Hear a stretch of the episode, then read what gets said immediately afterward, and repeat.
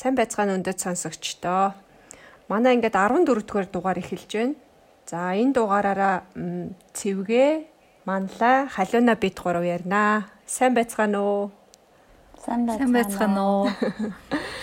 14 болцсон юм уу? За тэгээд нөгөө төрүүчийн адил нөгөө сэтгэлийн хаттай эцэг эхчүүдийн хийдэггүй 13 зүйлгээд тэрнийхээ бүлэг 7, 8, 9-ийг ярих байгаа. За ингээд тэгээд шууд ном руугаа орчих уу те. Тэгээд за тийё тий. За бүлэг 7 нь болохоор тэд хүүхдтэй хариуцлагаас зугтахыг зөвшөөрдөггүй гэсэн бүлэг байгаа. За ингээд бүлгүүд маань дандаа нөгөө кейсэр эхэлдэг те. Зөвлөгөө авах кейсэр. За тэгээд нэг ээж аав хоёр ингээд яаралтай зөвлөгөө авъя гэд манай сэтгэл зүйчдэр маань ирдэг. За тэгээд тэр хоёр хүн маань Крис гэд нэг хүүтэй юм байна л да. За тэр хүн болохоор ямар асуудалтай гэхээр 18 тадаа сургуулаа төгсөөд аа тэгээд би цаашаага коллежд их сургуульд сурмааргүй байна. Аа ажил олж хийн гэж хэлээд тий тэгээд одоо ээж автагаа амьдрдаг байгаа. Амьдрдаг ч явахтай нөө үргэлжлүүлээд амьдрдаг тусдаа гараагүй.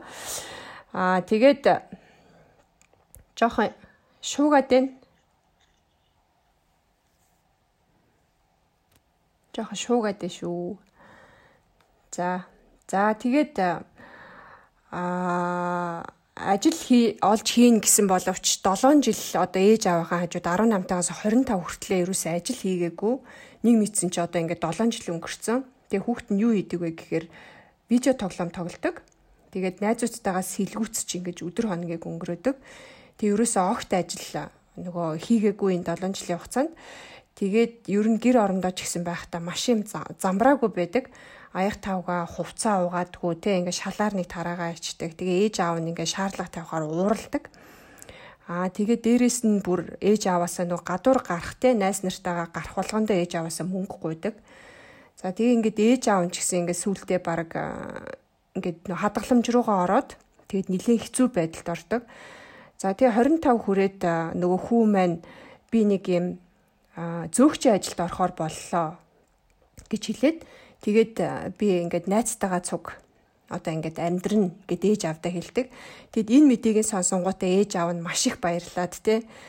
Одоо яг ингээд тусна гаргана дахиж ерөөсө гэртээ авчрахгүй гэд одоо нөгөө бодоод тэгээд гэл сэтгэл зүйч дээр зөвлөгөө авдаг байгаа. Тэгээ сэтгэл зүйчдэр ир зөвлөгөө авахдаа яаж н одоо 25 та хүүхдээ буцаж гэрт нь одоо ирүүлэхгүйгээр найзтай нь ингэж амьдруулах вэ гэдэг талаар зөвлөгөө авахар ирдэг. За тэгээ зохиолч маань ингээд энэ кейсийг сонсоод ээж аавд нь ийм зөвлөгөө өгд юм байна л да. За нэгдүгüрт нь болохоор а хүүхэд нь ингээд те ганцаараа амьдрахаараа ээж аваасаа нөгөө мөнгө авахгүйгээр амьдрч чадах юм уу чадахгүй юм уу те тэрийг ээж аваас нь асуудаг. А гэтэл ээж аав нь болохоор хүүхдийнхаа яг хідэн төгрөгний одоо сард хідэн төгрөгний орлого олдیں۔ хідэн төгрөгний зардал гаргадیں۔ гэдэг талаар одоо ээж аав нь ямар ч тийм мэдгэдэггүй байгаагүй. А тэгэнгүүт нь одоо ээж аавд нь за тэгвэл хүүхдтэйгээ яг суугаад тий хүүхдээ яг сар болгоо хідэн төгрөгний орлого олд юм бэ? Ямар ямар зардал гаргадیں۔ Одоо хүүхдтэйгээ энэ мөнгөний талаар ярилцах гэсэн юм даалгавар өгдөг байгаа. За тэгээд ингээд мэдснийхаа дараа хүүхдтэйгээ ингээ хамт суугаад төсөв зохио те. За тэгээд тэр төсвийнхаа одоо яг хіддэн чиний цалингаар чинь болохын хэдийн чи бидрээс авахын те. Тэгээ хизээ хизээ чи энэ зардлуудаа түлэх ёстой ингээ тэрийг одоо бүр а одоо бага насны хүүхдтэй харьцаж байгаа юм шиг бүр тэгж суугаад ингээд ярилцаа гэсэн юм зөвлөгөө өгдөг. За тэгэнгүүт ээж аав хоёр нь санаан зовоод А за ингээ хилчгээр нөгөө хүүхд маань уурлаад одоо яах бол доо гэж санаа зовоол. Тэгтээ та нар заавал нөгөө нэг юм хатуу эцэг ихийн одоо энэ хатуу юугаа ингээ зангаргаа гаргаж ирээ хүүхдтэйг тэгж харьцах хэвээр. Тэгэхгүй бол одоо хүүхд чинь ийм наад захын тий амьдралын ийм хичээл ерөөс мэдэхгүй байна гэд ээж аавын зоригжуулдаг. За тэгээд ээж аав нь гэртээ хараад хүүхдтэй хилдэг байгаа. За ингээ бит хоёр ингээд чамд ингээ те мөнгө мөнгө өгж болно. А гэхдээ эхлээд чиний яг хідэн төгрөгийн орлого олдیں۔ хідэн төгрөг зардیں۔ Энэ бүх тооцоог чи мэдмээр байна гэд нөгөө хүүхдээ уцаар ярингуут нь хилдэг. Тэгсэн чи хүүхэд нь за за та нар намайг одоо ингээ мөнгөгүй үлсгэж алах гэж байгаа юм байлгүй те гингүүтээ уурлаад уцаач болгочихдаг байгаа. За тэгэнгүүт нь нөгөө ээж хоёр нь сэтгэл зүйчийн зөвлснөөр хит хоног ингээд хүүхдтэйгээ холбоо барихгүй твчдэг. Аа тэгээд нэг 3 4 хоносны дараа хүүхэд нь твчгээ байгаад ээж аваараа залгадаг. За ингээд би ингээд хоёртой ярилцахад бэлэн байна тий. Ингээд орлого зардлаа ингээд хоёрт хэлэхэд бэлэн байна гэд. А тэгээ хүүхдтэйгээ суужгаад яг хүүхэд нь хідэн төгрөгийн орлого олдیں۔ Ямар ямар зардлаа одоо хідний хідний өдрийн хід хідэн төгрөгийн зардал тий төлдийн одоо утасны мөнгө одоо өөр юу гэдгийг түрээс хоолны мөнгө гэл зардлууд байгаа шүү дээ тий. А тэгэнгүүтээ эндээс яг хідэн төгрөгийн одоо хүүхэд өөрөө кавер хийх боломжгүй юм тий. Тэр мөнгөний ээж хоёр нь өхөөр яг ингээд бүр одоо юм төсөв зохиодог байгаа. Тэгээд хүүхдтэйгээ ингээд төсөв зохиогоод 7 хоног болгоо яг тэр төсвөө ингээд хүүхдтэйгээ буцаж ярилцаад тий хүүхдтэй одоо бүр яг ингээд бага насны хүүхдтэй хичээл зааж өгж байгаа юм шиг ингээд санхүүгийн хичээлүүдийг ингээд зааж өгдөг.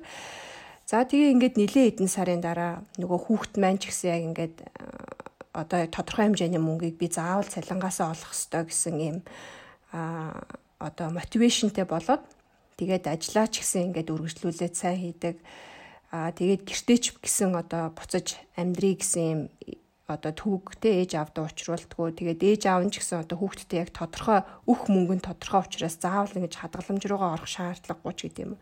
Тэгээд тэр гэр бүлийн амьдрал одоо ингэ нилээ тогтсон байгаа.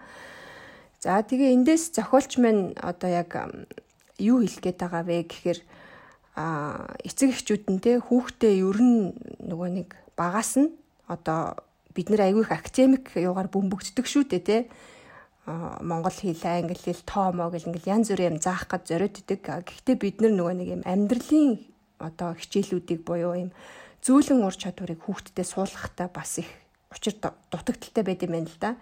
Энийг бол нөгөө нэг ер нь гэрээ ажиллаар ч юм уу те ингэж нөгөө а дамжуулж хүүхдэд хариуцлагатай бол болгох ёстой гэсэн энэ санааг ер нь бол энэ бүлгээр одоо хэлхийг зорьсон.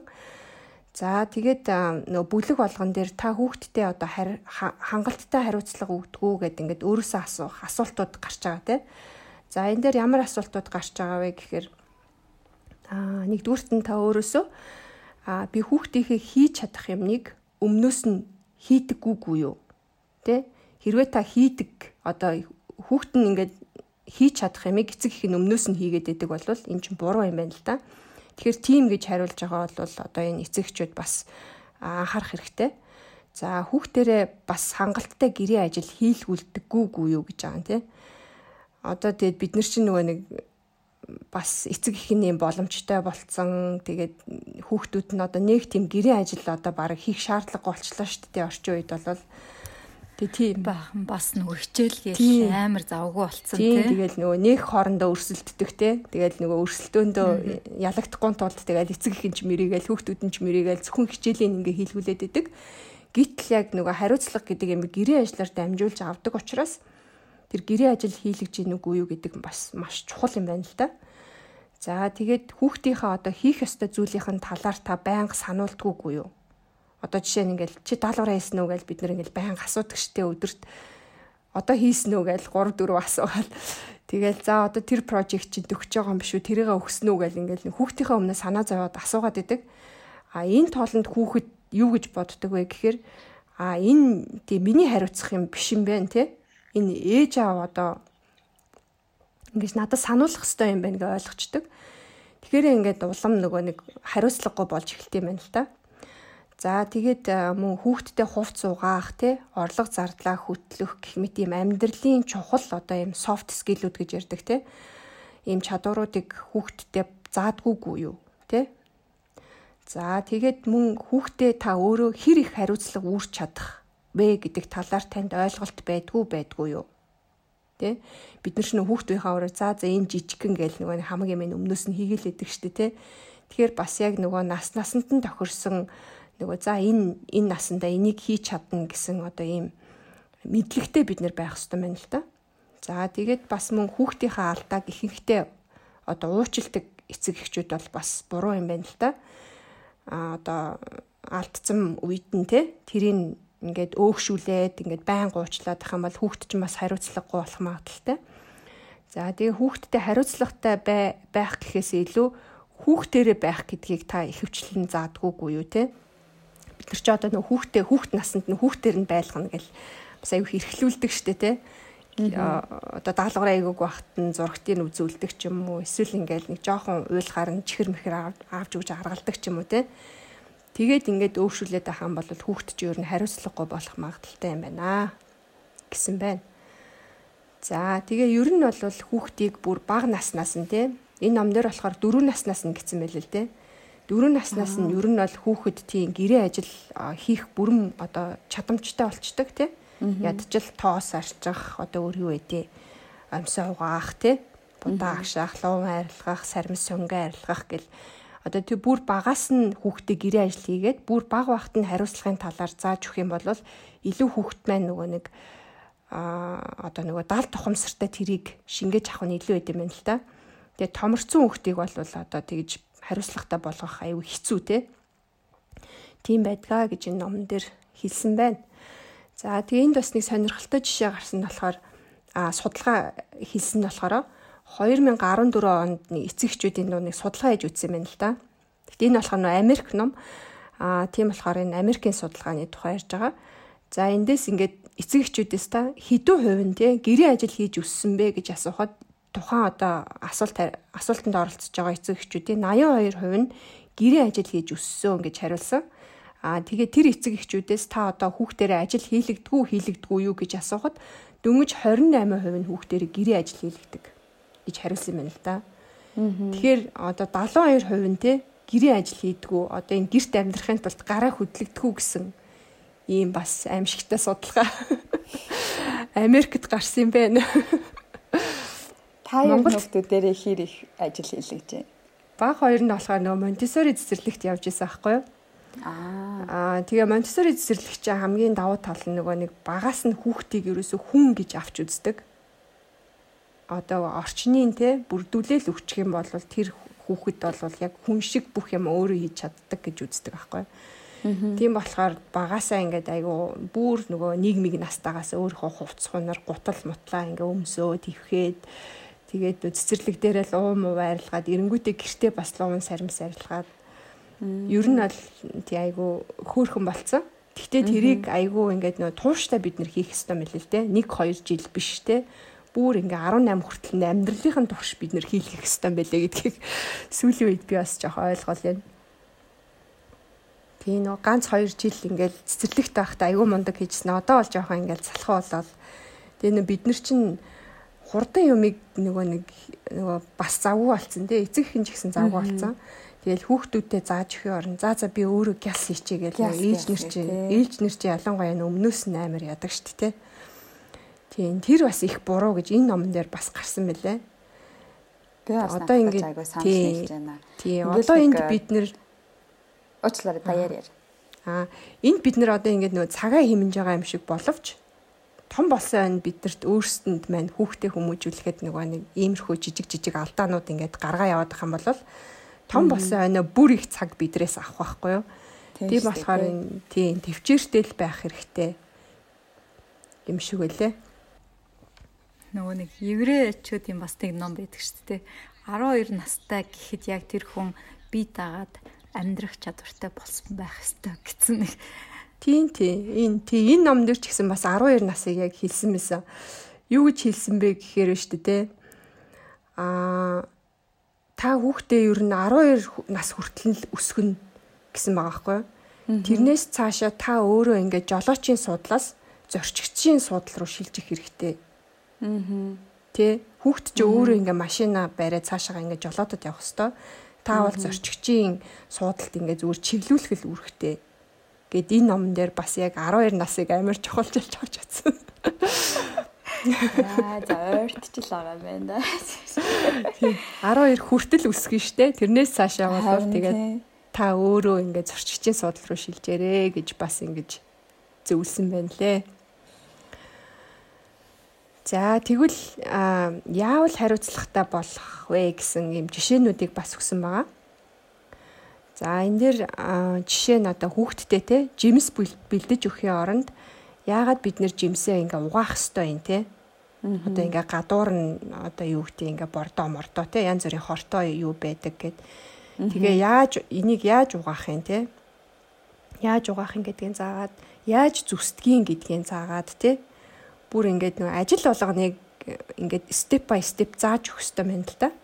За энд бол мэдээж их цаг орно. Гэхдээ үүнийг та ерөөсөө ингээ хөрөнгө оруулалт те ирээдүйд хүүхдтэйгээ хүүхдтэй оруулж байгаа хөрөнгө оруулалт гэж бодоод маш төвчээртэй хандах хэвээр гэсэн байна. За тэгээд одоо ингээд орой хүүхд чинь ингээд за дугууландаа явлаа гэж бодоход те чи усаа авсан уу, биеийн тамирын хувцас авсан уу, тэгсэн үү гэж бид нэр ингээд хамаг юм шалгаагаад асуудаг штэ те. Аа. Тгийнхээ оронд за чи ингээд нөгөө секцэндээ явхад чамд яг юу юу хэрэг болох вүлээ? гэд ингээд асуултаа бид нэр арай өөрөөр асуугаад тэгээ өөрөөр нь юмыг бодуулаад тэгээ тэр хариултынхаа дагуу бэлдүүлээрэ гэсэн байна. За тэгээд мөн одоо ингээд цаг нь тулсан те гэрийн даалгаварт нь туслахын оронд а цагийг нь тулгахгүйгээр одоо хийхийн тулд яаж төлөвлөх ёстой гэх одоо ингээд жишээ нь 2 хоногийн дараа өгөх юмыг чи хизээ хийж дуусгах хэвээр хизээ шалгах хэвээр ч гэдэм үү. Ингээ хүүхдтэй бас энэ төлөвлөх талаар нь туслах хэвээр байна.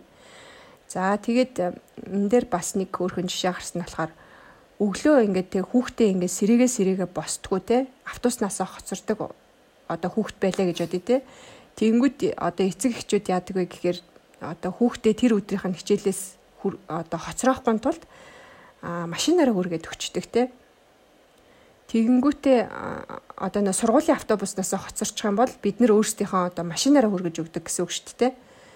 А тэгэнгүүт хэрвээ тэр тохиолдолд чамаас олоод ингээд хэрвээ чи ингээд босоогүйгээс олоо хоцорох юм бол энэ тохиолдолд яах вэ гэхээр ээж аав нь хадгаламжнаас ч одоо яг тэдэн төгрөг гэж тооцоод авна шүү ч гэдэг юм те хүүхдтэйгээ хүүхдтэйгээ ингээд мөнгөн дээр нь хариуцлага тооцох хэрэгтэй байна л да.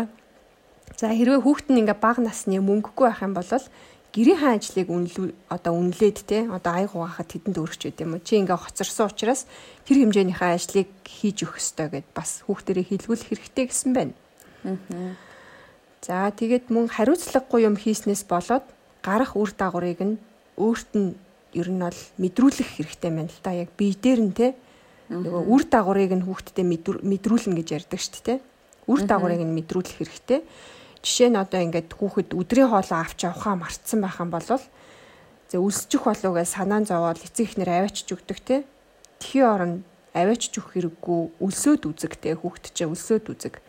Тэгээ өлсөж өлсөөд үзэхээрээ үр дагавар нь ийм сүрэг юм байд юм байна гэдгийг ойлгоод тэгээд дараагийн удаанаас одоо өдрийн хоолоо мартахгүй авч явах хүүхэд чинь юм юутэй болно туршлагатай болно гэсэн байна.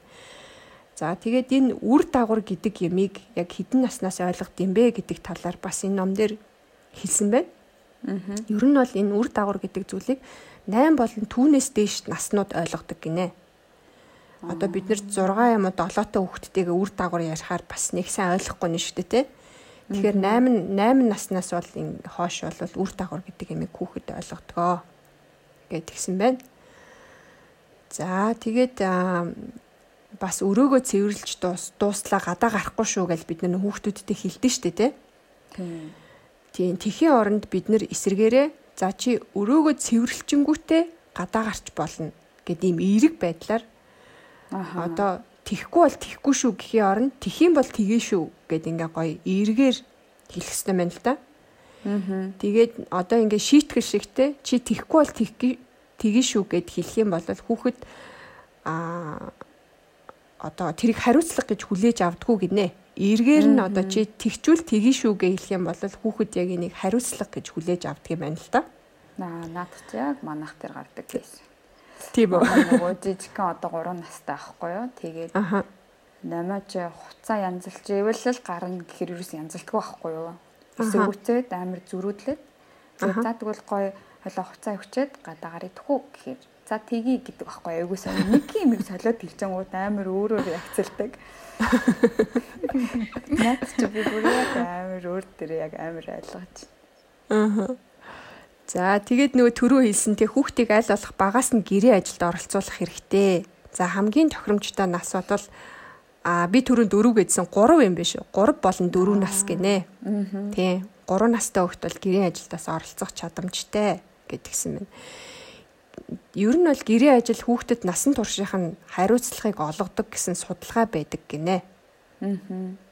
Тийм. Тэгэхээр гэрээ ажил хийснээр хүүхэд өөртөө итгэх аа тэгээд өөрийнхөө тэр юм хийж байгаа гэсэн одоо чадвартаа итгэх тий өөрийгөө үнэлэх үнэлэмж нь өсдөг.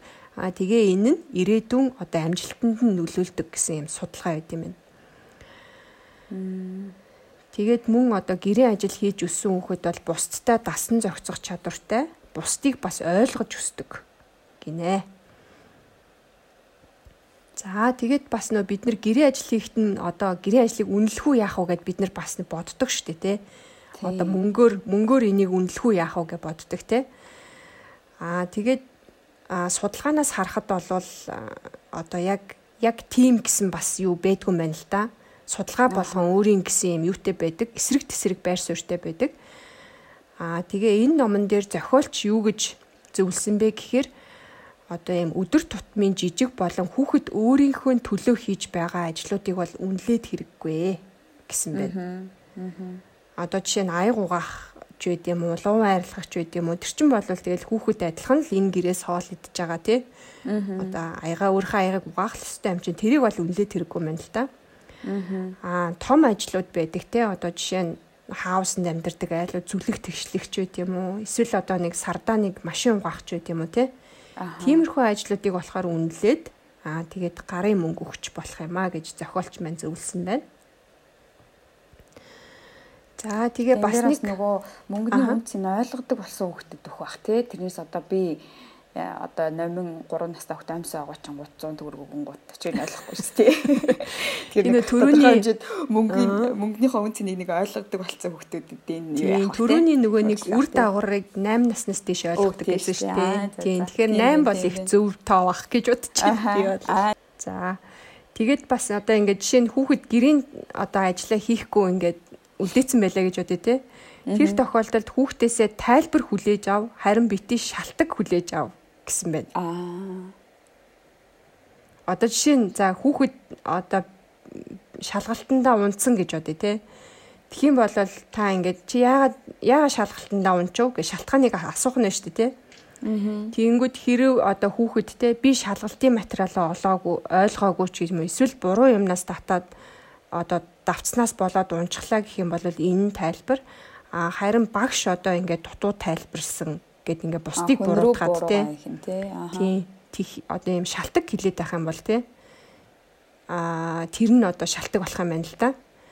Тэгэхээр тайлбарыг нь хүлээж ав харин шалтгийг нь битгий хүлээж аваа гэдгийгсэн байна. За тэгээд бүлэг болгоны төгсгөлт нөгөө нэг нас насаар нь ангилаад зөвлөгөөнүүд өгдөг.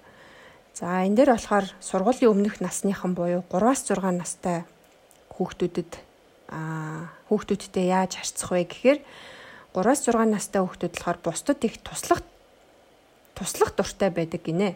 Аа.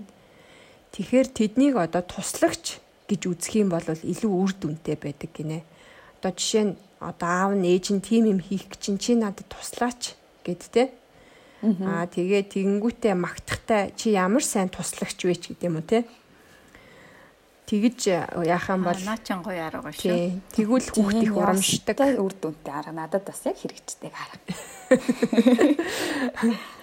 За тэгээ энэ насныхан юу юу хийж болох вэ гэхээр за ороо хураана. Ороо хураа чадна гинэ. Тогломоо хураана. За оймсоо оймсоо ижилсүүлнэ. Тэгээд зарим угаасан хувцаа хураана. Тоос тоос арчиж чадна. Шал шүүрдэж чадна хогийн сав суултаж чадах ёстой гэсэн байна. Хэрвээ эндээс хийлэгдэггүй юм бол хийлгээрээ мунлаа. Би манай хоёр бүгднийг хийд юм байна. Хараад. Оо тийм үү. Тэгвэл мундаг юм байна. Хариуцлагатай хөлтөд болох юм байна тэгвэл. Харин эсвэл нөгөө бид хоёр хин дээр Мишель дээр одоо жоохон том болж байгаа юм байна гэдэг юм responsibility tracker гэдэг юм юу гаргацсан. Орой болохоо нөгөө за чи ямар байсан гэж өөрийн дүгнүүлээл өнөөдөр чи юу юугаа чадсан гэд нөгөө яг амар эхлээд нөгөө яг тань шиг гэрийн даалгавраа хийсэн үү тоогоо хийсэн үү ямаа уншсан уу гэд эхлээд сүүлдээ бид хоёр бүр залхаад. Тэгээ чи өөрөө өөрөө энийг яг санаад өөрөө хийн. Тэгээ бид хоёр яг орой унтахын өмнө тэрийг нь яадаг байхгүй ингээ ревю хийж байгаа. Тухайн өдөр чи өнөөдөр яг ямар байсан how did you feel яасан гэл ингээ ерөөхдөө мэдрэмжийг нь өөрөөр нь яриулаад Тэгээд чи бол ээж авахаа нүдэнд ингэж харагдсан гэ бид хоёр нөгөө үнэлгээ өгнө. Бишэл өөрийгөө харж чад өөртөө бас үнэлгээ өгнө. За тэгээд нөгөө амар олон юм юутай нөгөө юм индикатор гэдэг юм уу юу гэдэг ингэж юм шалгуур юмнуудтай. Тэгээд тэр дээр тусдаа хардаг байхгүй. Тэгээд тэрэн дээр хамгийн дуртай нөгөө нэг өөрөө би нөгөө нэг тийм санаачлагтай хөхд болоосоо гэж айгу хүсдэг байхгүй юм шиг л хэлүүлээд ахарч айгу хэцүү шүү дээ. Тэгээд ер нь ингээ юмыг санаачлаад хийждэг байгаасаа гэдгээс энийг гаргаж ирсэн. Тэгсэн чинь айгу хөөрхөн үр дүнтэй агаад ямар нэг юм заавал би ээжээрээ хилүүлэхгүй аваараа хилүүлэхгүй за би хийн гэдэг нь айгүй үйлчлээд байгаа байхгүй айгүй хөөрхөн. Аа яа гоё. Чамаас тэгвэл дараа нь төршлөх судлаа шүү. Тэгээ би гэхдээ энэ бол дүнгэж нэг сарал болох гэж байгаа. Тэгээ айгүй хөөрхөн надад бол энэ бол амар үр дүнтэй арга байгаа да. Тэгээ би тэр сүултээ нөгөө нэг тэр track нэг юм table шиг юм хамтдаа хийж мэгээд хөөхөн өнгө мөнгөөр янз бүрээр удаж мутаад айгуу гоё болсон өөртөө бүр айгуу дурлаад хийгээд байгаа айгуу хөрхэн тэгэл унтахынхаа өмнө мами папа хүрээ дээртэй би өнөөдөр ямар байсан яасан хийсэн гэдэг тэг өөрөө нөгөө айгуу муу болохоор ингээд дүүгээ уйлуулцдаг ч юм уу те эсвэл ингээд жоох юм онцгой байсан үедээ ингээд жоох би яг мэдчихэе на мами би өнөөдөр би айгуу муу байсан гэдэг тэрийг айгуу мэддэг хөрхөн тэг би тэрэндээ ямар ч үсэн нэг хариуцлагатай байх гэдэг нэг тодорхой хэмжээгээр жоохон хүлээж ойлгож аваад байгаа юм байна уу да гэж одоо баяртай байгаа. Тэгээ сая энэ таны ярьжсэнийг сонссон юм бас аа нэг ч тийм муу мами биш л юм байна гэж бодож байна. Мундаг юм байна, мундаг юм байна. Аригато. За тэгээ сургуулийн насны хүүхдүүдэд э, яах вэ гэхээр аа одоо тухайн хүүхдийн гаргаж байгаа энергитэй цаг хүчин зүтгэл нь хизээ нэгэн цагт үр дүнгээ өгнө гэдгийг байнга одоо сануулж хэлж явах хэрэгтэй байна л да. Одоо жишээ нь орой болгон хүүхэд ингээ хашаанда хүл бөмбөг тоглож байгаа болохоор чиний чадвар чинь үнэхээр сайжирч чинь ч гэдэг юм те. Нөгөө хүчин зүтгэлийн магт те гэд нөгөө ном болгон дээр л гараад идэг те. Тийм тэрийг одоо хэрэгжүүлээ гэсэн байна сургуулийн насны хүүхдүүдэд. За гэрээ ажил юу юу хийж чадах вэ гэхээр шал угааж чадна, амархан хоол хийж чадна, а ногоо арилгаж чадна, угаасан хувц сурааж чадна, ванны өрөө цэвэрлж чадна, тоос соруулж чадна. Гинэ. Энэ бол нөгөө 7-оос 12 нас хүртэл штэ. Тий. За тэгээ өсвөр насны хүүхэд болохоор 13-аас 10 нас насны хүүхэд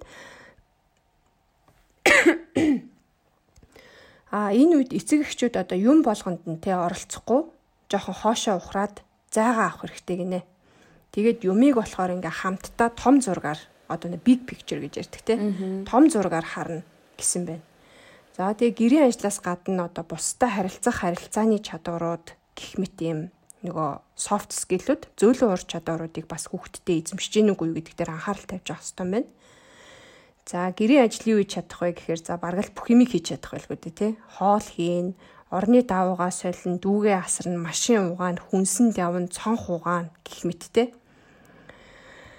За тэгээд түрүү нөгөө нэг яг манлагийн хэлсэнчлэн одоо хичнээн хилээд хийдгүү хүүхдүүдтэй яаж харьцах вэ те даалгавраа хийсэн үү чи яагаад дандаа санаачлахаараа даалгавраа хийдгүү юм бэ гэл ингээл нөө ээж аав нь үглэхийн оронд за би чамд одоо яг 3 дахь сануулж байна а би чамд яаж тусалж чадах вэ гэж асууж болно. А эсвэл хан дээр нь төлөвлөгөө гаргаад те ингээд төлөвлөгөөг нь хамт хийгээд хамт наагаад одоо тэгээд тийм аргаар туслах гэсэн бас юм шийдэл хайх хэрэгтэй. Тэг ингээ өглөөл ахаар хүн өөрийнхөө төлөө биш аав ээжийн төлөө амьдарч байгаа юм шиг юм хандлагатай болж өсдөг гэж хэлсэн байна. Тийм. За тэгээ энэ бүлгийг ер нь дүгнэж хэлэхэд бол аав ээжнэр одоо өөрсдөө тий хүүхдэд чадахгүй байх гэж боддог бодлоосоо салах хэрэгтэй юм байна. Нэгдүгüрт нь а хоёрдугаарт нь яг нас насанд нь тохирсон гэрээ ажлыг хүүхдэрээ хийлгэх хэрэгтэй юм байна. За ялангуяа бол бүр 3-аас 4 наснаас нь эхлэх хэрэгтэй юм байна. За тэгээд 8 наснаас хойш алдаанаасаа суралцах чадвартай тийм юмны үр дагаврыг ойлгодог нас болохоор а үр дагавраасаа суралцдаг гэж бодоод өмнөөс нь юм хийж өгөхөө багасгах тий аль болох багасгах хэрэгтэй байна гэсэн одоо дүгнэлт хэлэхэд бол ийм санаанууд гарч ирж байна. За тэгээ бүлэг 7 манд дуусж байна. Бүлэг 8-ыг манлаа яриад явна тий. За тэгээ. За бүлэг 8 дээр болохоор нөгөө ухамсартай ээж аавд ер нь л хүүхдээ өвтгөөс нь хаацалж хамгаалдаг гэсэн сэдв байгаа. Ингээд хэлэхэр жоохон сонсогдчихож магадгүй яг юу яриад байгаа юм болоо гэд. Аа тэгээ зохиогчийн маань хувьд гэх юм бол энд өвтгөх гэдэг ойлголтыг бол нэлийн өргөн хүрээгээр ерөөхдөө сэтгэл зүйн болоод би физиологийн талаар авч үзсэн байгаа. Тэгээ ерөөхдөө одоо нөгөө pain гэдэг үгийг л би жоохон өвдөх гэж жоохон модон орчуулгаар орчуулж байгаа юм л да. Ерөөхдөө бол хэцүү бэрхшээлтэй одоо ер нь юмд хүнд хэцүү давааг ерөөхдөө хүүхдүүдэд туулуулдаг шүү гэсэн л ерөөхдөө гол мессеж гэдээ ойлгочиход ерөөхдөө болно. За тэгээ бүлэг болгон маань ерөөхдөө нэг юм кейсээр эхэлдэг байгаа тий. Тэгээ нөгөө сэтгэл зүйчдэр очдог шүү дээ. Яг тэрнтэй адилхан. За нэг гэр бүлийн одоо юм салалтын жишээ байсан. Аа нэг эмэгтэй бол ерөөхдөө гурван хүүхдээ өөр дээрээ аваад одоо ингэ салдаг. За тэгээ мэдээж энэ 3 3 хүүхэд байгаа, насан жижиг байгаа. Тийм учраас хүүхдүүдийнхаа ерөөхдөө сэтгэл зүйн сэтгэлийг бүрэн бүтэн байлгахын тулд нөгөө нөхөртөөгөө хэдий салцсан ч гэсэн жоохон ойр ойрхон байгаал би биенийхээрээ орж гараал байнга одоо юм том баяруудыг хамтдаа тэмдэглээд хүүхдүүдтэй аль болохын нөгөө салалт гэсэн юм том сэтгэл зүйн юм том өвдөлтийг те мэдрүүлэхгүй байхын тулд ерөөдөө байнга л ингэж ойрхон байдаг байсан. Тэгсэн боловч энэ нь яваа яваанда ямар хуу үр дүнд хүрсэн бэ гэхээр энэ мэдээж тус тусын амьдралтай болж байгаа юм чинь дараагийнх амьдралыг эхлүүл хэрэгтэй болно те. Тэр нь яваандаа нөгөө салсан эмэгтэйд маань тэр нөгөө салсан нөхөртөн ч гэсэн аль алинд нь асуудал үүсгээд эхэлсэн байгаа. За тэгээ яг энэ асуудал ингээ хүндрээд ирэнгуут нь сая нөгөө эмэгтэй маань сэтгэл зүйчдэр очиод одоо зөвлөгөө авсан. За тэгээ зөвлөх сэтгэл зүйч маань юу хэлсэн бэ гэхээр ерөөхдөө энэ хий одоо салалт бол хүнд хэцүү болох маа. Тэгсэн ч гэсэн ер нь бол одоо энэ ээж аав нь салсан. Тийм болохоор тус тусынхаа амьдралыг эхлүүлэх хэрэгтэй гэдгийг нь ерөөхдөө хөөхтүүд хэрэгтэй гэдгийг нь ойлгуулад ер нь энэ хооронд ингэж яг тодорхой юм лайн шугам гаргаж өгөх хэрэгтэй тий. Тэгэхгүй бол салчинд мэддэггүй салаагч мэддэггүй нэг юм одоо юм өөгчөж булчирхаач яваад байгаа нь хүүхдүүдэд нь ч тэр эцэгт өөрсдөн ч гэсэн юм ойлгомжгүй байдал үүсгээд байгаа учраас энийг ингээд тодорхой ойлгож өгөх хэрэгтэй гэсэн юм зөвлөгөө өгсөн. Тэгээ мэдээч хэрэг энэ эмгтээд бол нөгөө ээжийнх нь хүүхдүүдэд яаж ойлгуулах нь одоо хэцүү байх та гэдэг нөгөө хүүхдүүдэд бодоод айгүй өөрт нь л хэцүү байсан ч гэсэн одоо энэ сэтгэл зүйчээс авсан зөвлөгөө нь бол хэдийгээр юм сэтгэл зүй өвднө гэдэг чинь ч гэсэн одоо энэ процессын маань нэг хэсэг учраас чи яалтчгүй л энийг ингэж энийг алгасаад юу яж болохгүй тий алгасаад салцсан гэж болохгүй чи салсан л бол энэ хоорондох бүх өвдөл шаналлыг мэдэрч байгаа л энэ салалт гэдгийг бүрэн утгаар нь ойлгох учраас ялтчгүй энэ даваг давж гарах хэрэгтэй гэсэн зөвлөгөө авсан болохоор тэгээд хүүхдүүдтэйгээ ярилцаад ерөөхдөө ингээд тэр нөгөө хүүхдүүдэд ер нь ойлгуулж хэлж өгсөн байгаа даа. Тэгээд энэ бид нэр манай гэр бүл одоо ингээ хоёр тустай болсон. Тийм учраас манай хүүхдүүд маань гэр бүлийн бүх гишүүд одоо энийг ойлгох хэрэгтэй гэх тэгээд энэ шийдвэртэ баттай зогссон байгаа. За тэгээ ерөөхдөө одоо нөгөө манай зохиолч маань асуусан. Таа ч гэсэн одоо бас ингээ хүүхдүүдээ тий ингээд ийм юм хэлчихээр ийм юм бичгээр хүүхдүүд маань ингээ сэтгэл нь өвтчих юм биш байгаа, гомдоочих юм биш байгаа гэд та биш мэддэг юм биш үстэй та эдгэр үйлдэлийг бас хийд юм биш үстэй гэд ингээд асуудаг штэ тий ерөөхдөө яг зохиолч маань ерөөхдөө бичлэгтэй хэм маягтана За жишээ нь гээд одоо асуусан байсан. Та одоо хэрвээ эдгэрдүүлээс идэг байх юм бол бас л жоох өөрөө өөртөө дүгнэлтийг цагнуулжээ гэжсэн. За юу юу асуудаг вэ гэхээр а за хүүхдээ ингээ хэлчих юм бол манай ингээ зовчих байхаа гэж бодоод яг үннийг хэлдэг. Яг яг үннийг нь бол нүүрэн дээр нь хэлж чаддгүй. За дээрэс нь бас за манай хүүхд ч одоо арай жоох юм чинь тий арай баг болчор байгаа юм чинь иймэрхүү хэцүү бэрх юмыг бол бас арай даван туулах бэлэн болоогүй нас нь болоогүй жижигхэн байгаа гэж хэлдэг.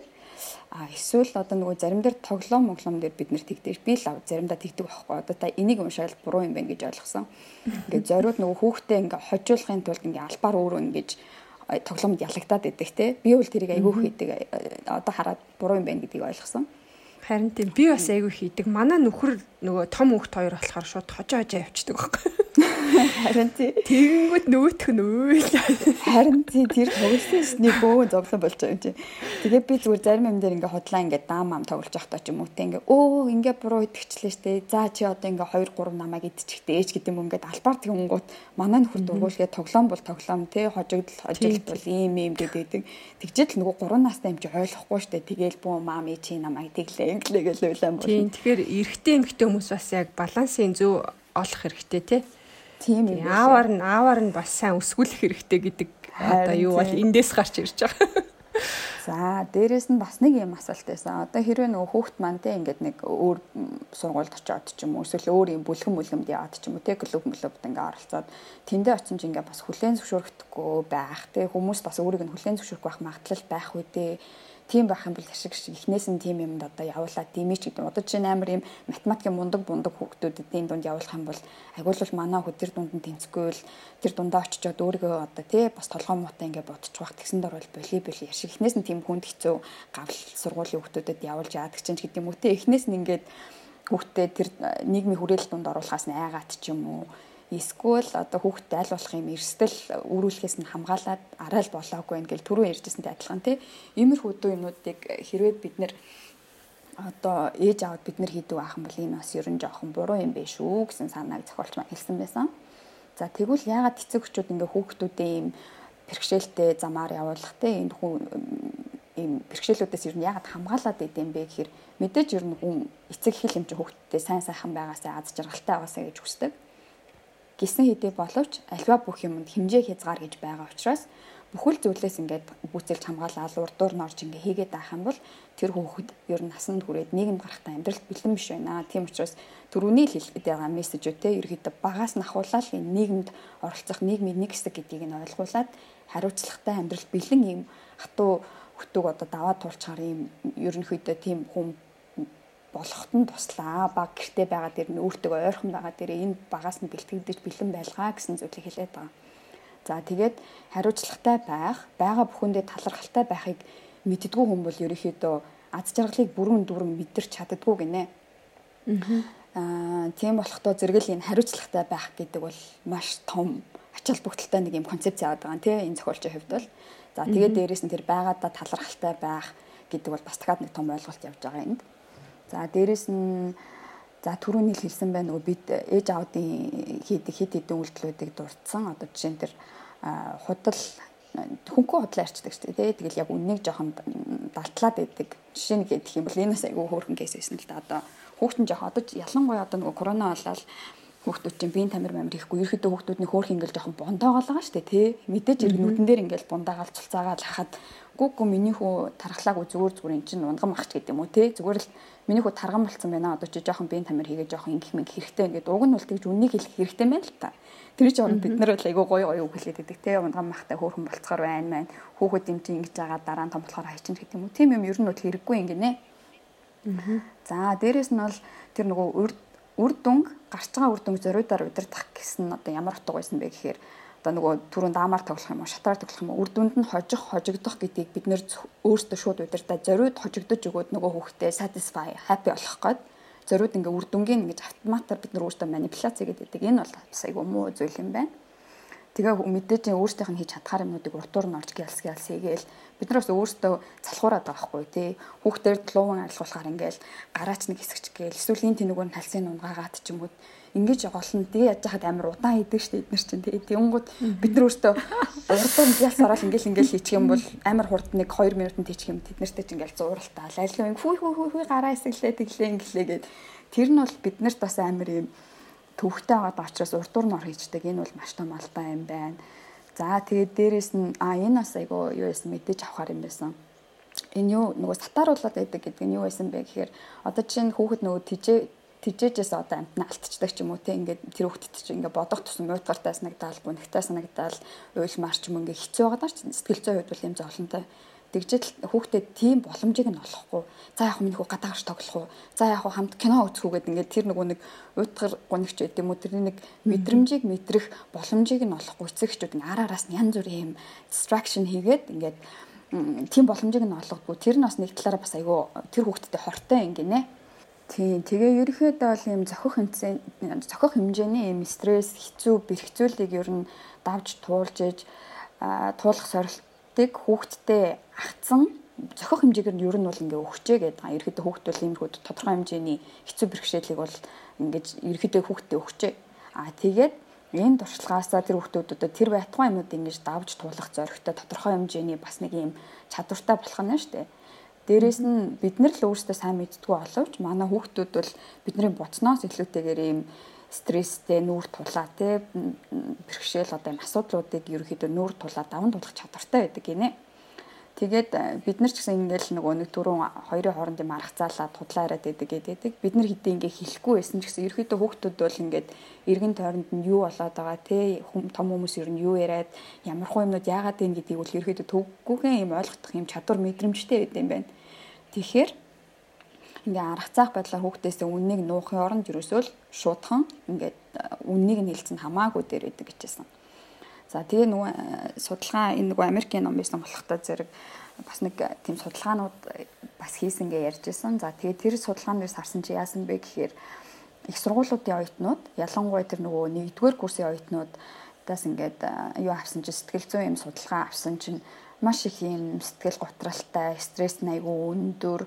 Тэгээ ерөөхдөө тэр ингээ байнга л юм хідэн сүүлийн хэдэн жил ингээ харахад байнга ингээ өсөлттэй байгаад байсан юм байна л та.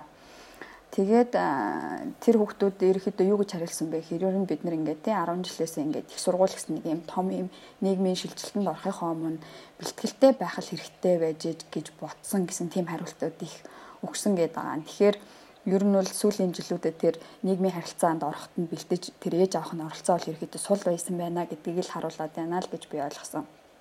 За тэгэхээр ээжүүд минь эцэг эхчүүд минь хүүхдүүдэд яах хэрэгтэй вэ гэхээр ер нь хүн бол нөгөө өвдөж байгаа л эрүүл ах ямар өө эрүүл ах чи ямар сайхан юм бэ гэдэг нэг жоохон өвдөж байгаа шүдэн өвдөд ч юм уу те хотод өвдөд ч юм уу тэгж алуу эрүүл ах чи ямар сайхан юм бэ? Ер нь өвдөж ижил аз жаргалыг мэдэрдэг зовж ижил аз жаргалыг мэддэг гэдэг тэр мессеж бол дахин давтагдчихсэн.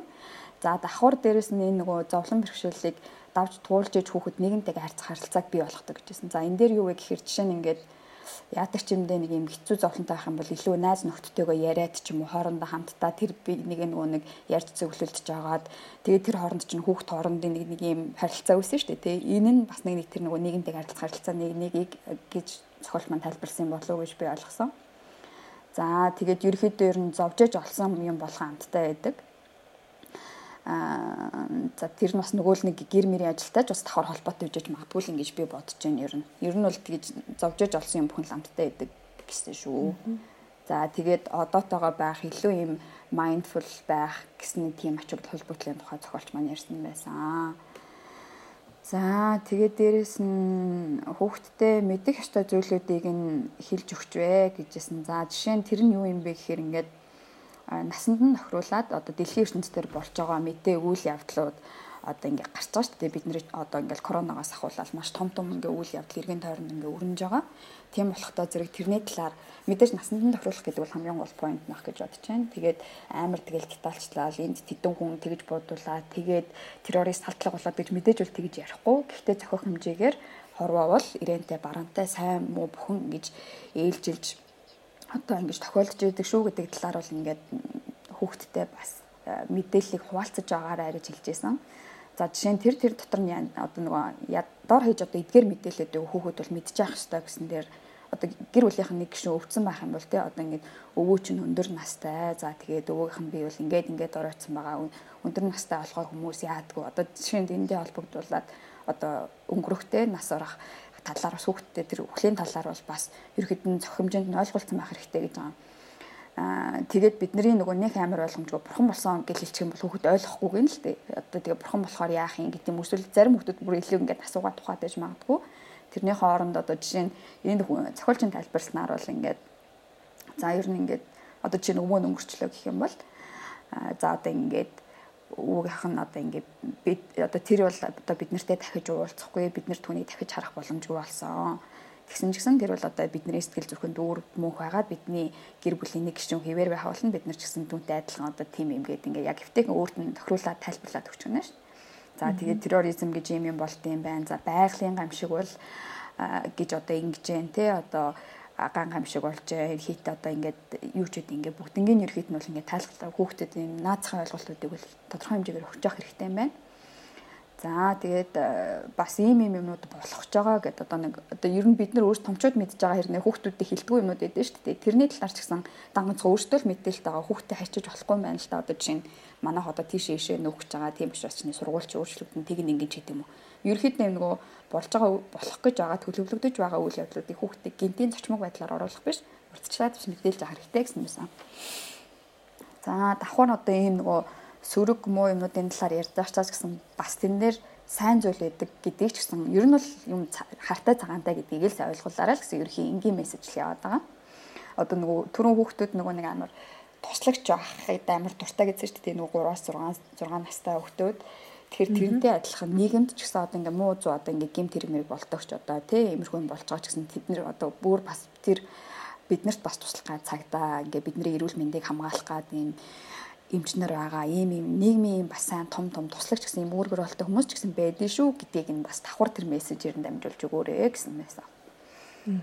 За тэгээд энэ дээр бас зааж би бас монгол хэлээр нь гоё хэллэг байна өвдөлтийг хүлээн зөвшөөрөх гэсэн нэг хэсэг байсан. Тэр нь болохоор ботход accepting the pain гэсэн баг. За тэгээд тэр нь юу вэ гэхээр нөгөө ер нь ингээд ямар нэгэн болоод тэртээ тэргүй өвдгөн тодорхой хахад бид нэр тэрийг өгөөсгэж болохгүй байна л да. Энэ дээр тэр жишээ нь бол айгүй надад ойлгомжтой байсан. Жишээ нөгөө тариа илгээл тэгэхээр өвдгөн амар тодорхой байгаа шүү дээ. Ингээл гадны бит би ирүүн орж байгаа юм чи мэдээж тэр хөрн часигээд өвдгөн тодорхой тэгж яах ингээ хүүхдтэй албаар бодлаа. Гүй гүй тариа чи яах ч зүг зүгээр шүү дээ. Чи яавал гэж гэж хэлэх нь айгүй утгагүй юм байна л да. Тэрний оронд миний хөө энэ бол ерөөхдөө өвдөн гэхдээ ээж нь чамааг энийг тисээ даваад гарна гэж бодож байна гэж хэлэх нь хамаагүй үр дүнтэй гинэ. Дээрээс нь давхар ингээд ээж чи өвдөхгүй өвдөхгүй гэжээс яг хийсэн чи амар өвдсөн шүү дээ. Тэгэд хүүхд чинь эргээд нөгөө өөрт нь итгэх итгэлтэй бас холбоотой учраас ер нь жоохон бас тийм барьцтай ер нь бодтой л ах хэрэгтэй гэсэн зүйлийг хэлж байсан. Бид нэр унангуутан дандаа тэгдэг штэ. За зүгээр зүгээр. Тийм. Яг нөгөө тэр тодорхой ах юм бид нар бол за юу сүртэй юм чи эргэтэй өгöd мэй. Өвдөг өвдөг зүгээр зүгээр. Тийм яагаад ч хүлээ штэ гэж үлээж мүлээд штэ тий. Тэр бол ер нь буруу юм гинэ. Тэгэхээр тэр бол факт учраас өвдөх нь бол факт учраас тэрийг байгаагаар нь энэ бол өвднө гэдгийг нь ойлгуулад дэлцэн хүүхдэд нь хэлж байгаа танд тэр хүлээж авч байгаа хүүхдэд нь ч тэр. Ирээдүйд нөгөө өвчнөө хүлээн зөвшөөрөх хүн болох юм байна л да тий. Ямарваа нэгэн одоо өвчнч бас pain гэдэг ямиг тий. Хүлээн зөвшөөрөх Тэгээд зохиолч маань пен гэдгийг ингээд нөгөө сэтгэл зүйтэйч тэр яг бие махбод дээр тулж байгаа энийг ч гэсэн яг аль альнаар нь илэрхийлээд байсан учраас би уучлаар ганц өвдөл гэж бичиж авсан байгаа. Гэтэ яг хөө ингээд нөгөө сонсож байгаа хүмүүсүүд маань жишээнээс нь харж байгаа аа за энийг ярьж байгаа юм байна гэдээ ойлгочих واخ гэж бодож байна. За тэгээ ерөөхдөө энэ бүлгийн маань голлох одоо зөвлөгөөнүүдийг хүргэе. Тэгэхээр энэ дээр юу вэ гэхээр ер нь энэ пен гэдэг бол нэг талаараа чиний найз ч гэж болно, нэг талаараа эсэргээрээ чиний дайсан ч гэж болно. Гэхдээ энийг хамгийн гол нь чи энэ аль үед энэ миний найз сайн найз нагаад энэ аль үед намайг эсрэг эсрэгээрээ буруу тийш залаад байна гэдгийг хүүхдэд танихт нь л ээж аваад нь туслах хэрэгтэй гинэ. За уур хилэнгийн тухайд гэх юм бол хэрвээ найз чи хин нэгэнд оромжлоод чи тэрийг ингээд эсэргүүцээд ууралж авах юм бол тэр чинь бол зөв уурлалт байна тийм үү? А эсрэгээр нь чи тэрмөн авшигстан итгэжгээсэндээ гэдэг ингээ хүн зовоох гад өвдөх гээд ууралж байгаа юм бол тэр бол буруу уур хилэн байна гэж байгаа байхгүй юу. Тэгэхээр энэ аль зөв уур хилэн байна, аль буруу уур хилэн байна гэдгээ ялгаж салгаж ойлгох хэрэгтэй. Тэрэнд нь бид нар бас нөгөө ээж аваад нь туслах хэрэгтэй гэдэг. Тэгэхээр яаж яаж туслах вэ гэхээр дахиад л нөгөө хүүхдтэйгээ айгуу сайн ярилцаж ойлголцоод хүүхдэрэг дээр ямар мэдрэмжтэй байгаа вэ гэдгийг нь яриулж өөрөөр нь ингэж нөгөө дотроос нь гадагшлуу зурах маш их чухал юм байна л да. Хүүхд нөгөө дотроо ингээд юмаа ингээд бариад гаднаас нь харахаар ингээд зүгээр юм шиг хэрэг дотроо ингээд маш их шаналтай ч юм уу бухимдаад ингээд яваад байдаг хүүхдүүд маш их үед юм байна. Ер нь ихэнх хүүхдүүд байдаг.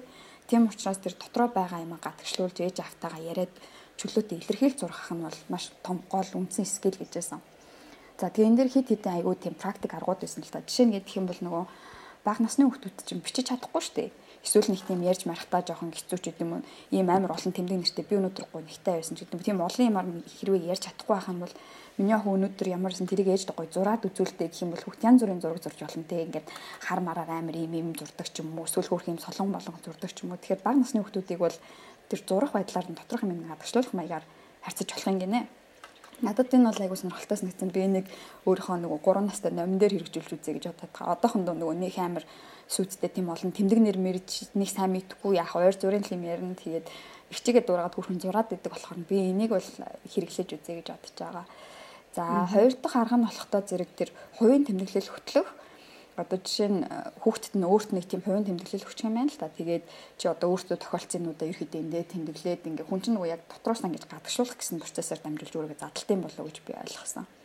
Тэгэхээр энэ бас хэрэгтэй юм арга юм байна. За давхар энэ бол бүр сонирхолтой байсан нь болохоор ээж аав хүүхдүүд дундаа ийм тэмдэглэлтэй байх юм гинэ. Одоо чинь ингээд яг гуруулаа ингээд тул цууж байгаа. За мишэл өнөөдөр ямар байсан гээл тэгэхээр зарим хүч ингээд хэлэхэд хэцүү ч юм уу эсвэл ингээд зарим үед ядарсан ч үеж болно. Эсвэл ярих ярихыг хүсэхгүйсэн ч үеж болно шүү дээ.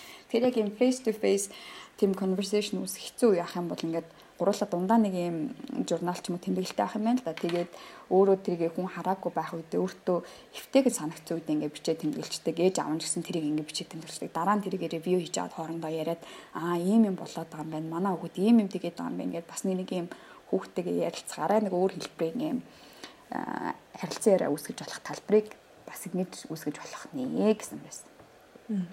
За дахиад нөгөө нэг нас насны ангиллаар нь хуваацсан зөвлөгөөнүүд байсан. За тэрэн дээр болохоор бага насны хүүхдүүдэд бол за зөв үлгэр дуурайллыг ер нь бол ээж аваад нь үзүүлэх хэрэгтэй. За жишээ нь ингээд ядарсан байсан ч гэсэн би одоо нөгөө энд чинь бас нөгөө хариуцлагатай байх юмыг үзүүлэх гээд байгаа шүү дээ. Тэгэхээр жишээ нь за би амар ингээ ядарсан байгаа ч гэсэн 5 минут ч гэсэн ингээд ээж нь гүйчнэ, тасагтлаа хийчнэ гэд ингээ өөр өөрөөр ингээ яриад өөртөө ингээд хүүхдүүдэд тэр нөгөө гоё юм үлгэр жишээ үзүүлэх юм байна л та. Тэгэх юм бол хүүхэд нь бас надаас хараад одоо аа манай ээж хэдий ядарсан байсан ч гэсэн ингээ юмаа хийж яа шүү. Би ч гэсэн тийм болох юм байна шүү гэх үлгэр дуурайл авах юм байна. За сургуулийн насны хүүхдүүдэд болохоор за англи хэл дээр энэ resilience гэж бичсэн байсан. Би бол энийг монголчуулахдаа нөгөө 7.8 сэх гэлт игдэн шүү дээ. Нөгөө хөл дээр босох гэдэг юм эргэж босох. Би энийг айгүй гоё монгол үгээрээс олж чадахгүй юм. Гэтэ яг хуу ингээд дөхүүлээд орчуулах юм бол ер нь ингээд хидийд ч гэсэн ингээд босоод эргээд ирэх чадвартай тий нөгөө нэг юм өөр төр хөл төрөө босоод ирэх чадвартай э, ур чадварыг л хилээд байгаа юм болоо гэж утсан. Тийм болохоор энийг ямар ч үед хэцүү үед ингээд юм тохиолдсон байсан эргээд ингээд босч ирээд өөрийнхөө хийх ёстой юм хийгээ ингээд аваад явдаг ачаал чадвар даах одоо энийг нь бол чи чадна шүү миний хүү ийм юмтай шүү гэдгийг нь бол байнга ингэж сануулад авиас чадварыг нь дэмжиж явах хэрэгтэй, усалж явах хэрэгтэй. Дээрээс нь бас тэр нөгөө бусад хүмүүст тусалж агаад хүн чинь нөгөө бусад хүмүүс туслахангууд бас өөрөө өөрөөрөө бахархах өөртөө бас нэг юм итгэх итгэлийг олж авах би ч бас юм чаддсан байж та гэх тийм бас нөгөө мэдрэмжүүд өөртөө төрдөг учраас тэр бусдад бас туслах байдлыг эндтгэрээ гэжсэн. За тэгээ өсвөр насныхны үед гэх юм бол энэ нас надад сонирхолтой байсан. Яасан гэхээр бид нар өөрөө өөрсдөө л дандаа нөгөө хүүхдүүдийн хувьд хамгийн амар том hero гэж боддог шүү дээ. За бид нар дээр л ирэндээ бид нар л ярих байх та гэж бодоод байдаг. Яг үүндээ өсвөр насны хүүхдүүд болоод ирэх юм бол биднээс гадна тэр хүүхдүүдэд ерөөхдөө 3-аас 5 5 ширхэг одоо ширхэг хүн гэдэг юм юу гэж толт энэ иймэрхүүдөө өөрөөс нь гадна найз нөхөд багш за тэгэл хамгийн ойр дотны те эмээ өвөө нь байна уу? Одоо өөртөө найр дотн байдаг тэр ах эгч нар нь байна уу? Тийм хүмүүс ер нь манай хүүхэд хидэд ч янз бүрийн юм тохиолдсон надаас гадна өөр тийм хүмүүс байгаа болов уу гэдгийг нь бас харж ах хэрэгтэй гинэ Тэгээд э, тийм найзуудтай байгаа бол яаж байгаа бол за тийм байх юм бол тэрэн дээр анхаарах юм биш гэдэг. Би ганцхан биш надаас бас бусад өөр энэ хүүхэд очоод ийм хүмүүстэй байх нь зүйтэй юм байна. Яагаад гэхээр хүн болгоно ямар нэг асуудлыг бид нөр өөр өөр өнцгөөс харна шүү дээ. Бид нар чи өөр өөр туршлагатай, өөр өөр юмыг өөр өөр юм бодолтой байгаа юм чинь. Тэгэхээр тэр хүүхэд маань ийм олон янзын хүмүүстэй очиж зөвлөгөө, тусламж ярилцсанараа тухайн асуудлуудыг ийм олон өнцгөр харах юмыг нэг араа нэг тийм өргөн цар хүрээтэйгээр ойлгодог, сэтгэлийн хаттай болдог болтын гинэ. За тэгээд ерөөхдөө эцсийн дүндээ гэх юм бол хүүхдүүд э, энэ тодорхой хэмжээний асуудал бэрхшээлийг өөрийн хэмжээнд ерөөхдөө ингээд даваад туулаад гарсан хүүхдүүд нас биеийн төрхээрээ ийм асуудлыг араа өргөн хүрээтэйгээр ойлгочдөг, сэтгэлийн хаттай болчдөг.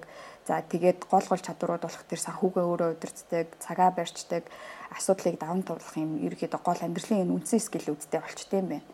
За тэгээд эцэст нь хэлэхэд бол ээж аав бид нар ч гэсэн одоо дандаа л нэг юм баатрын дүрээр ээж аавда тий бүхэл юмыг чаддаг бүхэл юм ундаг зундаг гэдэг хасаа гадна бид нар ч гэсэн бас хүн учраас биднэрт өвдөх үе байна, ядрах үе байна, бас гуниглагч үе байгаа учраас тэрийгээ ерөөсөө хүүхдүүдээсээ нуухгүй тэрийгээ ч гэсэн хүүхдүүдтэйгээ хуваалцаад өөртөө бас ээж аав нь ч гэсэн юм асуудал байна гэдгийг тэднийг баг баг гэхгүй ерөөхдөө хуваалцааж мэдхгүй ээж нь юм мэдхгүй болоод ингээд одоо хэцүү байна гэдэг юм уу. Тэрийгээ ч гэсэн ерөөдөө санаа зовж байгаа зүйлүүдээ хүүхдүүдтэйгээ үнэн байдлаа ер нь ярьж хуваалцдаг байгаарэ гэж хэлээд энэ бүлэг маань ерөөдөө дуусж байгаа. Аа.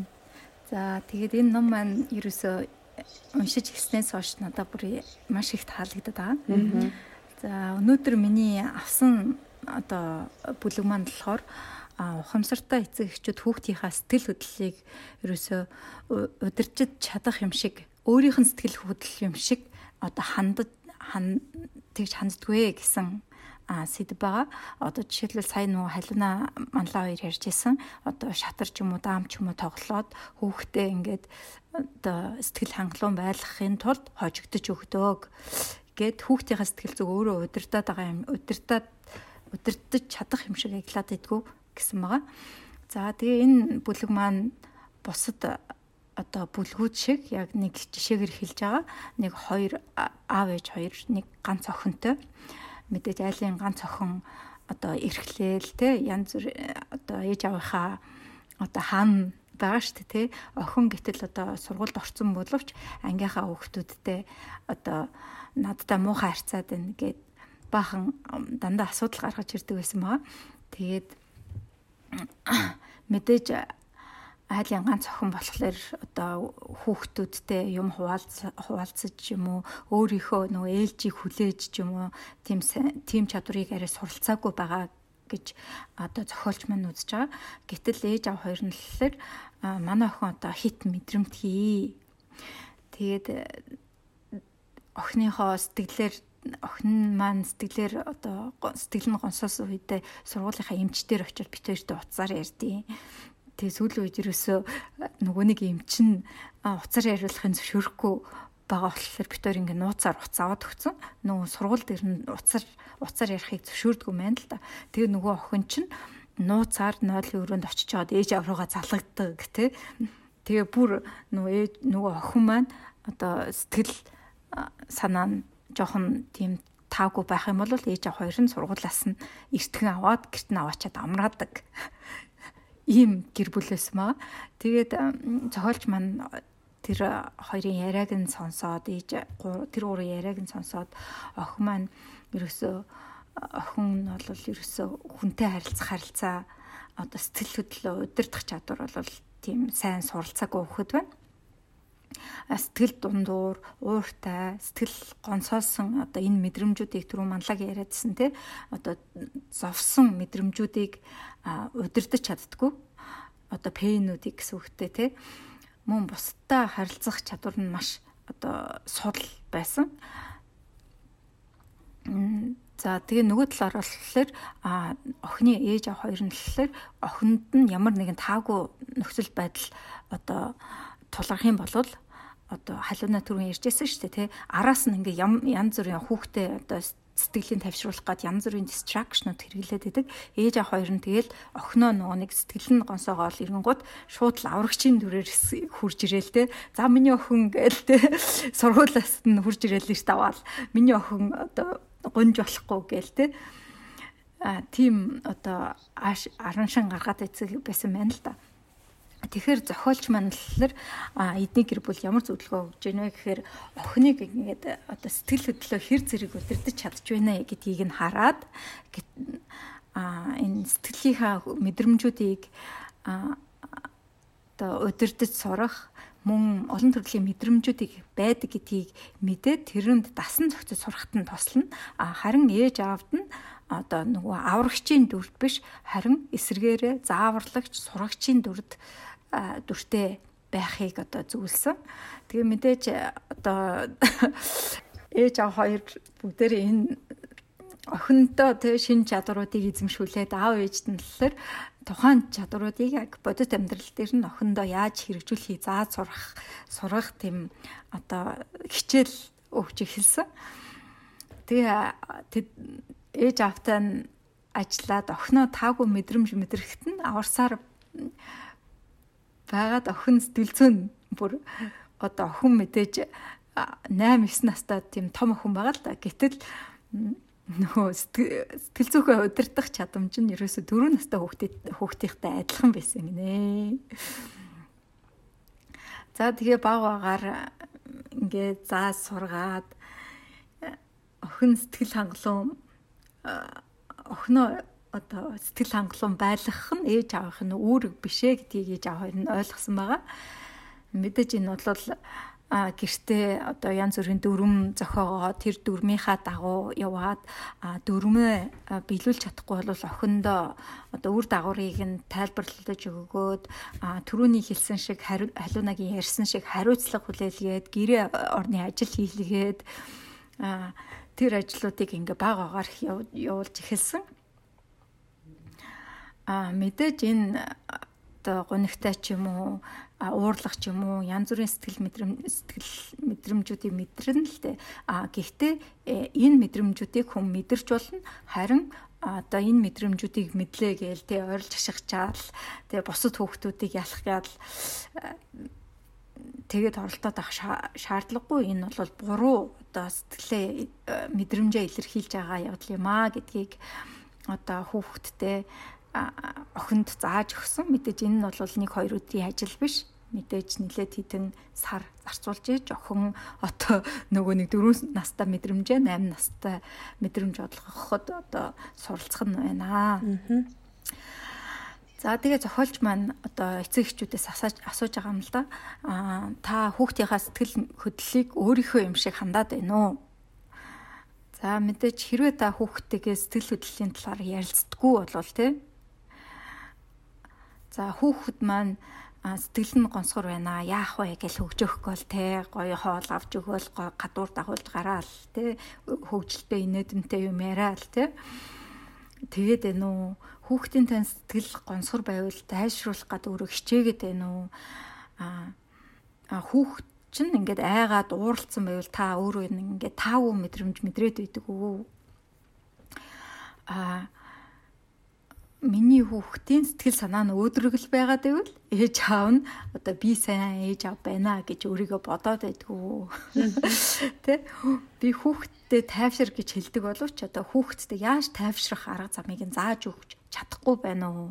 Энэ эдгээр асуултуудад хэрвээ та одоо тийм гэж хариулаад байгаа бол та хүүхдийнхаа сэтгэл одоо мэдрэмжийг нь өөрөө удирдах чаддаг юм шиг аялаад байна гэсэн үг юм байна л да. За яагаад эцэг эхчүүд хүүхдийнхээ сэтгэл мэдрэмжийг ингээд удирдах чаддаг юм шиг аялаад байдаг вэ гэхээр одоо хүүхэд нялхтаа анх эцэг нөө ээжээсээ төрөөл те бүх юм л э, ээж аавынх нь гарын дор байгаа шүү дээ хүүхэд хоолоо идэж чадахгүй өөрөө нөгөө нэг шээс одоо юу гэдэг памперс памперсаа сольж чадахгүй энэ бүхэнд нь ингээл ээж аав нь хуурайлал нөгөө нойтон памперстай хүүхэд чи эвгүүцэл уйлахт нь сэтгэлийг нь тайвшруулах гал нөгөөх нь одоо сольж өгдөг ч юм уу те за эхэндээ бол хүүхэд юм байдаг.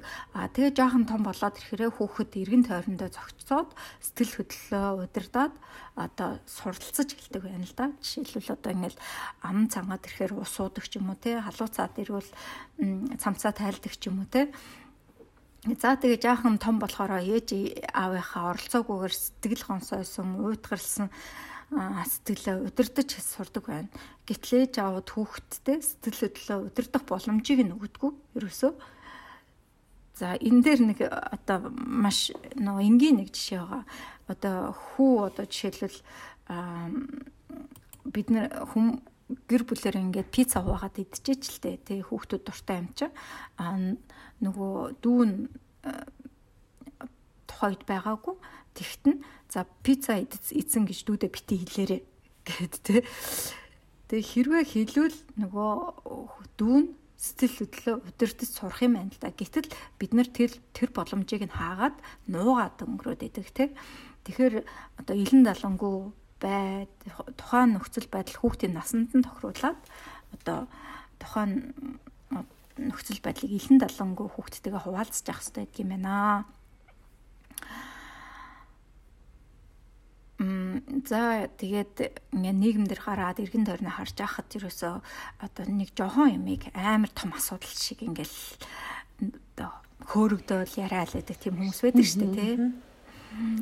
Тэгэл ийм хүмүүс бол ихэнхдээ сэтгэл хөдлөлөө яаж удирдах талаар суралцаагүй хүмүүс байт юм байна. Тэд өөрийнхөө хэрэгцээг биелүүлэхийн тулд одоо ингээл айгу төрөмгийн харцаал те а одоо булхацаал те тийм ач зан гаргадаг юм байна. Э, за тэгээд э, цэцэрлэгийн одоо нас гэдэг бол маш чухал байгаа. Хүүхдүүдийн цэцэрлэгт хамрагдсан байдал За энэ пен можиныг судлаачид хүүхд цэцэрлэгийн насны хүүхдүүдийн одоо хүүхдүүдийн харилцааны чадвар ер нь амьдралд нь одоо том болоод насанд хүрсэн амьдралд нь хэрхэн нөлөөлж байна гэдэг судалгаа хийсэн байгаа да. За энэ судалгаагаар бол ерөөсөө цэцэрлэгтэй ингээд 4 настай 5 настай хүүхдүүд гэсэн үг шүү дээ тий. А найзуудтайгаа сайн харилцаж байгаа хүүхдүүд бол ерөөсөө 25 наснда а тэдний 46% нь одоо бүтэн цагийн ажилд одоо орцсон байдаг гэсэн үг нөгөө байдгийм байна. Мөн түнчлэн нөгөө хэрэг төвд холбогдоод байх нь баг байдгийм байна л да. Тэгээд сэтгэл хөдлөлөө ер нь хүүхдүүд бас а сайн ойлгодгүй гин л дээ. Юу гэхээр одоо ингээд сэтгэл хөдлөл нь өөрийнх нь сэтгэл хөдлөл нь одоо биетэйгээ илүү хооронд бие хоёр нь хооронд холбоотой юм байна л да. Тэгээ хүүхдүүдийн хүүхдүүдийн том хүмүүсийнх ч гэсэн тийм ингээ стресстэй тэглэхээрээ толгой нь өвдвөл, гидсэн өвдвөл тийм тохиолдол байдгийм байна. За тэгээд 2008 оны Vandenberg гэж сургуулийн хийсэн судалгаагаар бол айдастай хүүхдүүдийн 67% нь одоо гидсэн өвддөг гэсэн судалгаа гарсан юм байна ийм одоо тохиолдолд яах вэ? Ер нь яаж энэ хүүхдүүдийн сэтгэл хөдлөлийг а ойлгуулж сурах вэ гэхээр хэдэн жишээ өгсөн байгаа. За өдөр тутмынхаа яриан сэтгэл хөдлөлийн талаар өөрт нь тохиолдож байгаа зүйлээ хуваалцах тий одоо жишээ нь имэн тавгүй байгаа болохоор надад надад жоохон таагүй байлаа гэдэг ч юм уу тий тоглоомын талбай дээр тэр хоёр хүүхэд тоглож байгаад нэг нь нөгөөхөө түлхээд унгаацсан тэр өстө буруу юм хийсэн гэдэг ч юм уу тий.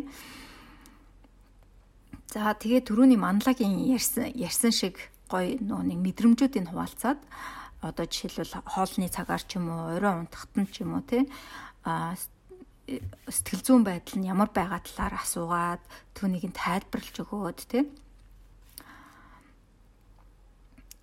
За юм ярьж байхад нь хүүхдийнхаа сэтгэл зүйн байдлыг мэдхийг оролдох хэрэгтэй. Бас гол оруулсан одоо жишээлбэл хөл бөмбөг тоолж аваад одоо гол оруулсан гэж бодоход те гол оруулсан чи ямар санагдсан бэ? Гой байсан уу, муухай байсан уу те? Завсарлагаанаар багш чинь чамаа ингээд а ангид чи үлдээгээд бусад хүүхдүүдийг гараа тоглуулсан чинь чамар чамд ямар сэтгэл төрсөн бэ гэд те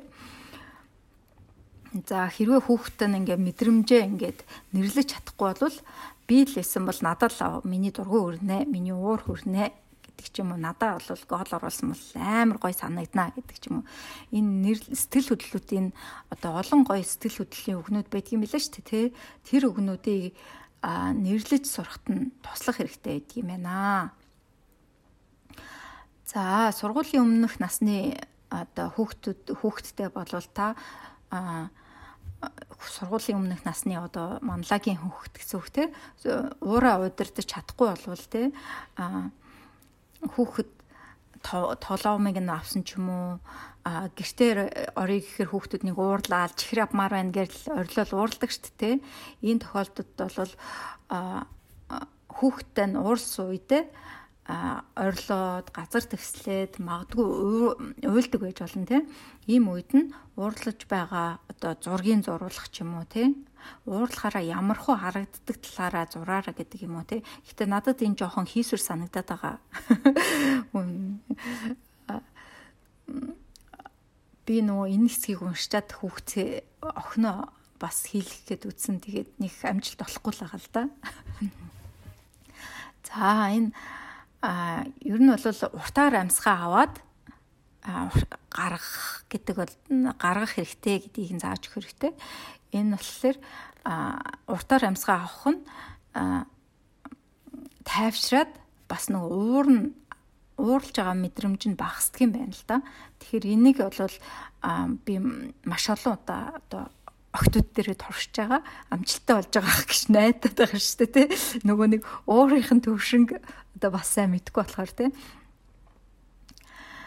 За сургуулийн насны хүүхдүүд гэж надад энэ одоо зөвлөмж маш их таалагдсан. Одоо ингээд та таагүй бодол одоо дурсамж эсвэл За ирээдүйд тэр яах бол энэ яах бол гэд хүмүүс нэг санаа зовдөг зовдөг штэ тий. Тэ энэ бодлосоо салж чадахгүй ингээд хүүхдүүд муухай ашлаад идэм байна л да. За сайхан зүйл бодвол одоо хүү энэ муухай ашлаад байгаа чинь өөрчлөгдөн штэ гэд хүүхдэд хэлэх хэлэх юм бол нөгөө хүүхдийн маань уур нь улам их хүрээд идэг. А тэгэхээр нөгөө зохиолч маань нэг ийм арга бодож олсон байгаа. Баавгааны арга гэж нэрлэдэг байгаа тий. За энэ яах вэ гэхээр эхлээд нөгөө за ямар ч баавга байж болно цагаан баавга тоглоом баавга одоо боро баавга панда баавга тэг ямар ч баавга байж болно. Тэр баавганы тухай 30 минут ингээ 30 секунд ингээд бодох юм байна л да.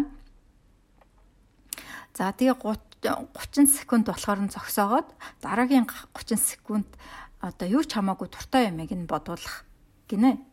Тэгтээ нөгөө нэг баавгаагаа ерөөсө бодож болохгүй гэж сануулах хэрэгтэй.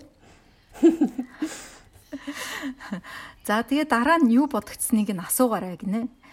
А ихэнх хүүхдүүд нөгөө баавгааны тухай бодол орж ирээд байсан гэж хэлдэг гинэ. Хэрэг хүүхдээ нь баавгааны тухай бодохгүй байж чадсан бол яаж тэгснийг нь асуугаарай гинэ. За дараа нь хүүхдийн тань анхаарал бүрэн шаардаж бодлох одоо нөгөө карт одоо хүзэр ингээд өнгө өнгөөр нэвлүүлдэг ч юм уу те аль эсвэл одоо дөрвөлжин нүднүүдийг гоё одоо илүү гаргахгүй бодуулах ч юм уу тий яг анхаарал шаардсан нэг зүйлийг яг 30 секунд ингээд одоо чи энэ 30 секундын дотор хийгэрээ гэд одоо даалгавар байна л да. Тэгэд цаг дуусгаар нь за нөгөө баавгаа ч бодогдсон уу гэд асуух хэрэгтэй.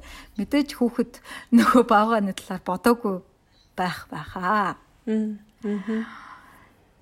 За энэ дасгал бол хүн юу ээж байгаагаас хамаарат бодол нь өөрчлөгдөж байгааг одоо нөгөө бага насны хүүхдэд ойлгуулах юм байна л да сургуулийн насны хүүхдүүдэд. Тийм болохоор хүүхдээ сэтгэл гонсгор байгаад байгаа гэвэл түүнийг ямар нэг зүйл хийлээж завгүй байлгах хэрэгтэй байт юм байна. Хэрвээ ингээ гонсоогоод байвал энэ аргыг зааж өгөх хэрэгтэй байт юм байна л да.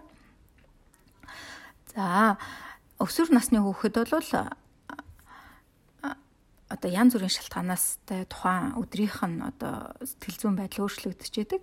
За найзтайгаа муудалцснаас ч юм уу те багш нь ингээд за нэг жохон эвгүй харцнаас ч юм уу нэг чанга дуурснаас болоод ч юм уу альсгүй шалгалтандаа нэг юм хийж чадаагүйгээс ч болоод юм уу те ааш нь янз бүр байдаг. Энэ үед найзтайгаа ярилцах те найзтайгаа нэг тухайн туршлагаа хуваалцаж ярилцах, одоо дуртай дуугаа сонсох, эсвэл дасгал хөдөлгөөн хийх одоо хийвэл зүгээр байдаг гэдгийг хэлж өгөх хэрэгтэй тийм ээ.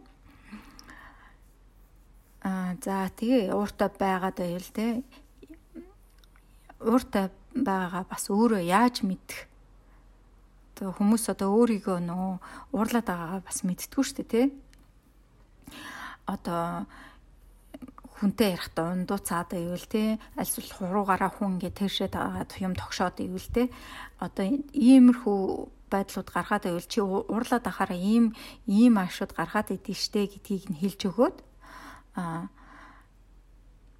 а тухайн байдлаасаа гарч чадахгүй байгаа. Тэгвэл өөр хажуудаа байгаа найз нөхдөйгөө ч юм уу багшаагаа ч юм уу ээж аваагаа одоо уурлуулах, гомдох үйл гаргаж а гаргахнаа гэдгийг нь ойл тайвширсныхан дараа одоо хэлж ойлгуулах хэрэгтэй гэдэг юм байна.